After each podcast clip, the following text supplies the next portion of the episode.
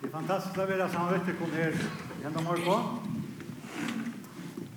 Jag ta kort i bilen og kommer och hörde för på ett hus. Här är det flakka och vi håller stång och jag huxar i mig själv om kvar måste være deg i det här. Men så så tjekk opp for meg at det var Jesus som hade lärt oss att lov for meg. Og ta jeg kartet til løtene i hendene morgen så var det fantastisk å suttje fløtjene og i fotlerstånd. Jesus, han lever gav tid. Han er opprisen. Han er en fredsherre som er opprisen. Og han er heima til ferien under det, og han byr fire okkom. Da Jesus tjekk her nere, så var han sånn påskap for rattelige grøyer. Han sier, jeg er veveren, sannløyken og løyve, ønsken kommer til feiren utan vi mer. Det er en grøy bådskap. Jeg er veveren, sannløyken og løyve, ønsken kommer til feiren utan vi mer. Om du sitter her inne i enda morgon, og du har rønt allar mengar ærer veier for å komme til god, så kommer det her å feile For Jesus sier at han er veveren, og han er sannleikken, og han er den einaste veveren til god. Så er det sånn det at ta, ta seg jekvann om er hvordan er god, nei, hvordan er Jesus, tar sørste og fyrstan det han er, er han for ut til krossen at loja, hoksa jeg om andre mennesker. Og særlig hoksa jeg om teg, som ingen annar vil de hava neka via at. Han gikk, han hugsa om Zacchaeus tattlaran som var oppi i trænen, han sier, Zacchaeus kom nyer, jeg vil være saman vidt her. Han hugsa om det blindu, han blindu som han gikk, han gikk inn i Jericho, og han gikk utanfor Jericho, så var det tvær blinder menn som han stekka i av, og gav seg kvintlig. Og hesen setningeren gonger atter i ötlund taimann, hendingunum i ötlund taimann, tingunum, som Jesus gjør i hesa fyrstan delar, til hesen setningeren, ta stegga i Jesus. Men hesen Jesus som stegga i og gav seg tøytla at saman vi tar menneskjennom som ingen annan vil ha av nekka vi a gjerra. Han stekka ikkje her ut tøy fyrstan degane at vi hava ahua fyrir ørum menneskjum. Men alle hesa seinaste vikina hevur ta særliga veri ein personer som Jesus hevur haft ahua fyrir. Ta han gongur nian til krossen. Og han personeren han er to. Han er er. Jeg hukte, hukte i tjøkkenen eh,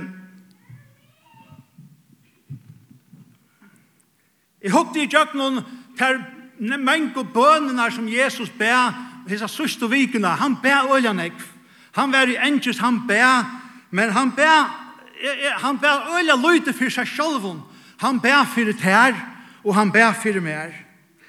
Bønnen til Jesus i kapitel 16, Herre Jesus lykka som kjemur til endan av sin løyve, og han dora suttje hettar at Efa ikkje langkur last lærsveinar munar til som tar skulle gjera, så byr han til feir så inn i himmelen, og han sier såleis når vi feiren, jeg er ikkje langkur i heimen om feir, men hese er jo i heimen om.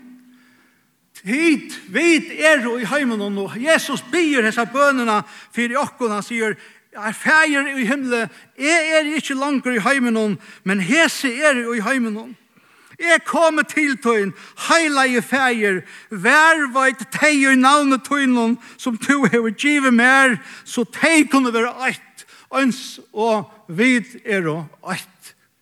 Jesus huksa i om te, og Jesus huksa i om me, ta i han, bæ hessar bønenar, Og ta i han kommer inn i Gethsemane hava, da stender at han og han ubier seg bønna, og i Johannes kapittel 16, så fører tar om Kedrons løk, og tar for inn i Gethsemane hava.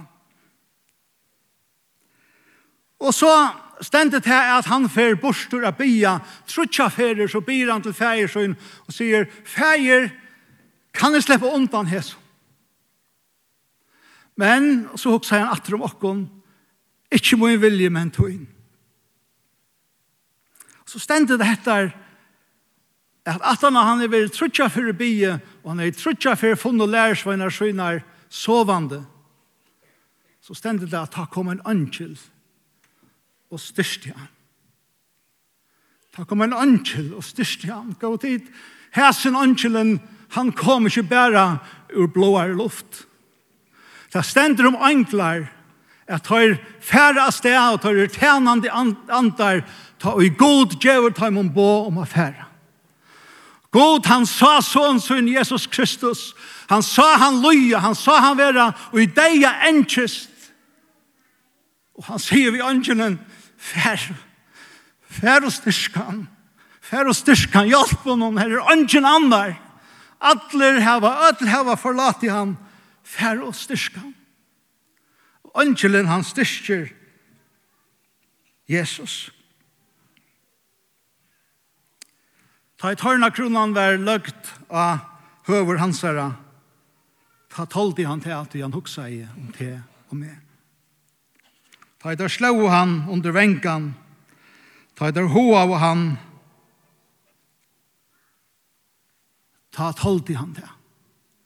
Ta stender han vær som et lamp som teir. Ta i der var løgt slakta på Han let ikkje opp munnen.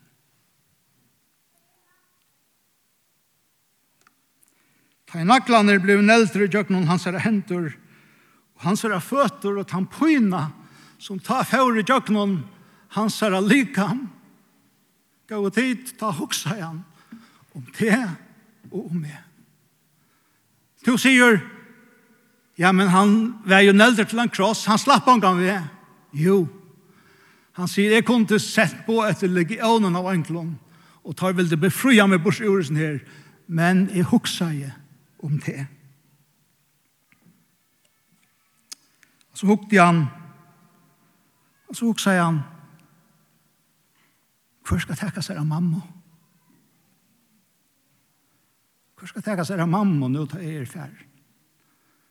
Hukte ned til Johannes, bare så inn og sier, Johannes, takk der av mamma dine som frelsaren hans henger av krossen hon. Han ber alla heimsens synd altså innan herron. Og han hokser om hvor skal teka seg av mamma så. Ah, sikkert er fantastisk frelsare som vi hava og som vi tjena. Så kommer vi til rånsmannen av krossen hon, og her sier, leser vi dette, at rånsmannen av krossen hon, han råper til Jesus. Minst til moin til du kommer i rujtje tøynon. Og han sier vi han sannelig og i det skal du være vi mer, i paradis. Kanskje du erst her, i henda morgon, du hører ikke tid til møter herren og Jesus som tøynon frelsere.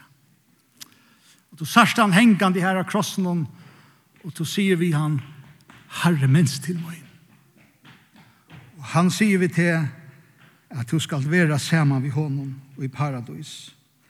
Stender i Rønbrand kapitel 5 og vers 8 at God vurstig kærlega søgn til okkara vi har Kristus døye medan vid enn våre syndarar.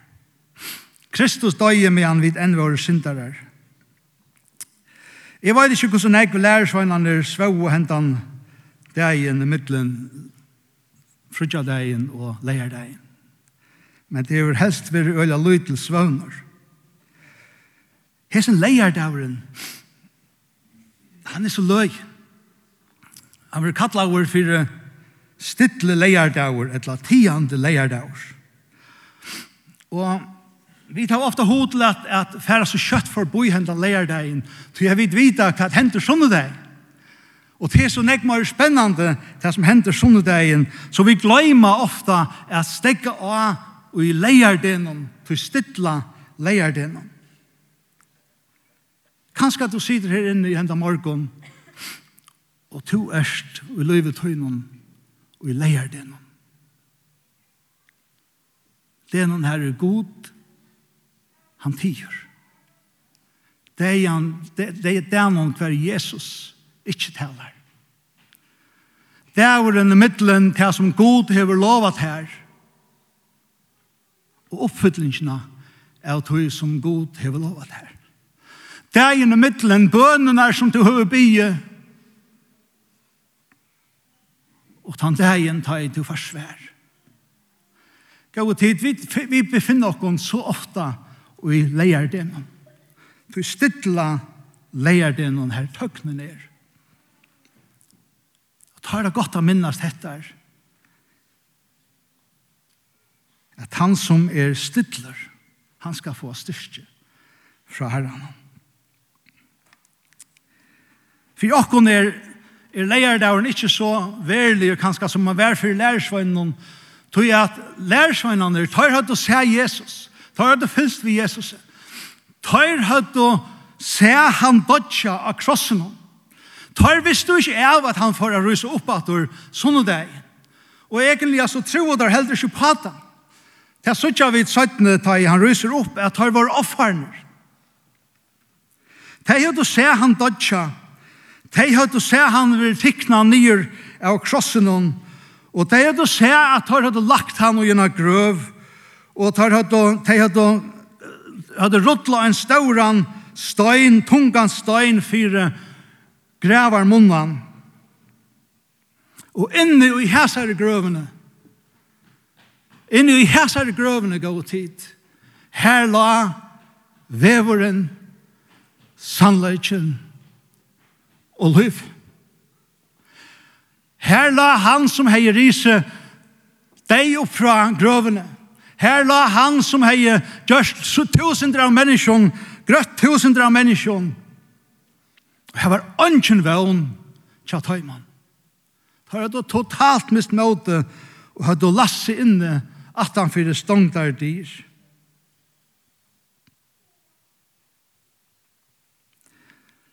Men i himmelen her er glede romer.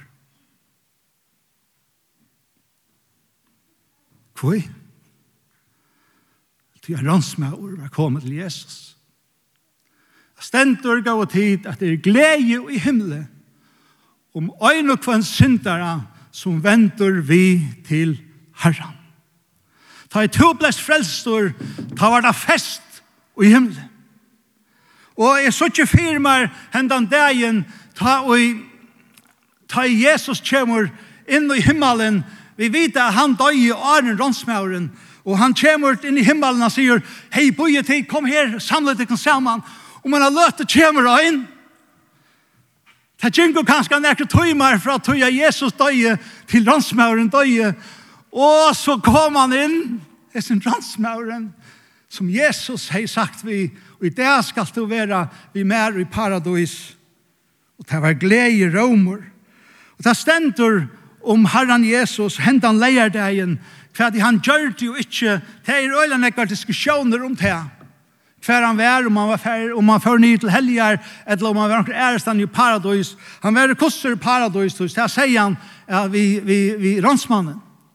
Men ett veit är, och till hettar, att det stendur i Kolossebrand kapitel 2 och vers 15, att han är vapna i tegnenar och valdene och gör det till skammar i eion allra, ta i han, vurste seg som syr herra av krossen. Kanskje du sitter inne her i hendene morgen, og djevelen hever stjålet ditt liv. Det kom akkurat inn i ditt liv som gjør det til at du får borste fra herren. Det kom akkurat inn i ditt liv som gjør det til at, at, at herren ble borste for Asjan tøyne. Er i her i morgen til å fortelle deg til at alt det som hinn ønte har vært tidlig fra det her, det hever Jesus vunnet atter. Og så leser vi disse hendelsene som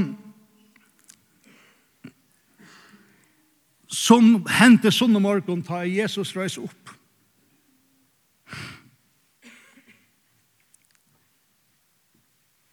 Her stender etter sabbaten ta i lusti av første dag i vikene kom Maria Magdalena og hin Maria ut at hitje etter grøv, hitje at grøvene. Ta var større jasjolte til angel herrans kom nir av himmelen støy til og velte borster støynen og sette seg av han. Men da var vel han da setningen. Angelen kunne bare komme ner og gjøre sitt jobb, og så færre steder. Men han kom ner her. Han sette seg av støynen.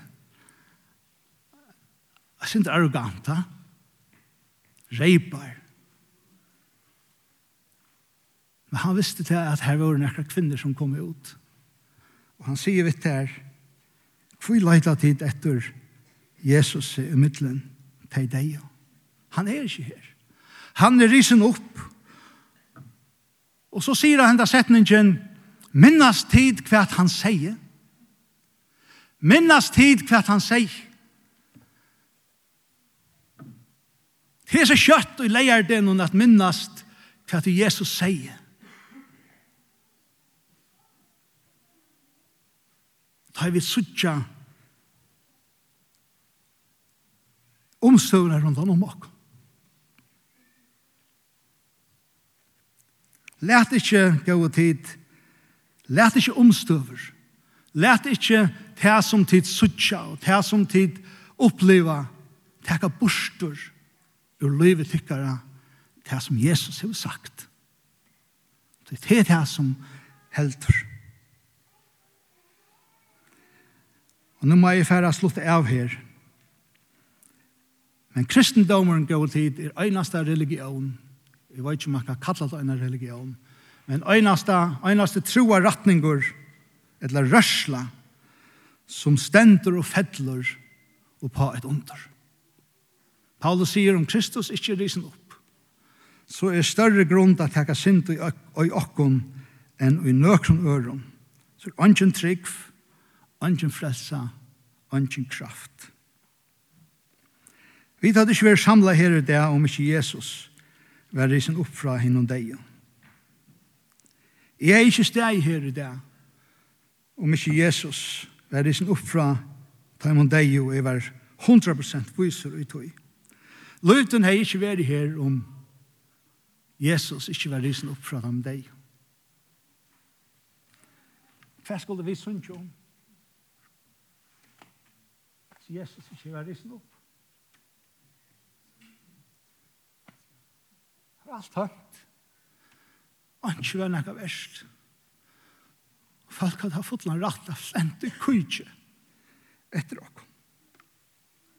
Så kommer Paulus og sier, men nu er Kristus risen opp. Halleluja. Nu er Kristus risen opp. Og om du sitter her inne i hendene morgen som du ikke har sett ut alid av Jesus, Hvat hevur hvat hevur uppreisen so við ta? Er det ikke frelsan, er det ikke Golgata, er det ikke det at Jesus døy av Golgata som hever atlan tøytning? Nei, det er omgang tøytning. Hvis ikke Jesus er risen opp. Det stendte så i Rønbraun, og tog omtog i munnen og jottar Jesus som herra, og trost og hjertan hon at han røsti han opp fra hin deio så skal du være frelstor, tog vi hjertan og tror øyn til rattvise, og vi munnen om jottar øyn til frels. Kanskje to i hendan morgen skal komme til det stedet, Herre, Herre Jesus, sier vi til. Gråt ikke mer. Gråt ikke mer. Jeg har um, hoa at lese et skriftsted, skriftbråt Arne Setmenier, som i æske. Og jeg, fyr, jeg halte vi skulle fyrstille okken at vit og i hendan morgon koma og i burskuritsking. Inne i himmelen. Akkurat som Johannes gjør det til og i åpenberingene. Og så sier, så stendet det så såløsene om og i, i åpenberingen kapittel 8 og i imisk vers her. Han sier, Johannes sier, jeg kom i borsterikking i andan om det herrans, Vi hørte at han fyrer med hese røddene, og en som lur. Jeg vende meg av suttja hva det er vær for en rødd du taler i med, og ta jeg vende meg, så er tjei ljøsastekker av godle. Og mittlen ljøsastekar er en som lyktest menneska sine kladdan og i fødsujan kyrstil, og vi godlbelte spentum om brøstet. Høtt og har hans er vår kvitt som kvitt ull, som kæve, og eie hans er vår som elds loar. Føtter hans er lukte skuinande molme. Føtter hans er lukte skuinande molme, ta han er glødder i ånen Og rødt hans er vær som ljau mengra vatna, og i høyre hånd hei han tjei stjøtner, og i munnen i hans er gjekk ut tvoi eitjas svør, kvast svør, og asjon hansare vær som solen ta jon skoinor og i kraftsøyne. Ta i sa han fatle nye som deier fyrir føtter hansare. Men han leie høyre håndsøyne og han med. Og han sier, Billy, Victor, Svein, Svein, øttast ikkje. Jeg er hinn fyrste og hinn sørste og hinn livande. Jeg vær deigur, men hikk, jeg er livande attor og i altor og atlar ever, og jeg heve liklar deians og deia rujtjusens. Og her tid suttja ditt fyrdekon, er ditt borstorikt inn i himmelen hesa løtena, hver Jesus sjalvor Hette er ikke nekka som bare hentur ta og Johannes ser han. Hette er nekka som vi tatt og se, om vi så inn i himmelen, vi tatt og se Herren Jesus som sier vi okon, gå og tid øttest ikkje. Jeg er i hinn fyrste, hinn sørste og hinn livande. Jeg er deigur, men hikk, jeg er livande og i alder og allar æver, og jeg har liklanar. Jeg har liklanar. Jesus hever lykjelen til tøyt liv. Jesus hever lykjelen til at løse opp alt det som til strøyest vi. Kom til ham og i hendan det. Gåa tid, Jesus livs. Han hever alt valgt. Og vi som ser har sett akkur alid av han, vi kunne være 100% trygg, og han sa kvært i gang og fyrer seg rundan om okkur. Vi færre a sinja en sang nu i kåren som øyder He lives. He lives. Og om du føler at Herren kattlar av te i henda morgon, med han vi sinja enda sangen, så kom fram til okkara høyre suju her, og her vera mennesker som gjerne vilja tåsa vi te. Den øyne setningen er som sangen hun sier, He lives, he lives, he lives in me. Og så sier han setninger så sånn her, death could not hold the promise within. Lyftes taktes av litja inni her og i grøvene. Men grøven og deien kunde ikkje halda lyfte gods inni i hans her i grøvene. Men herren signa sitt år og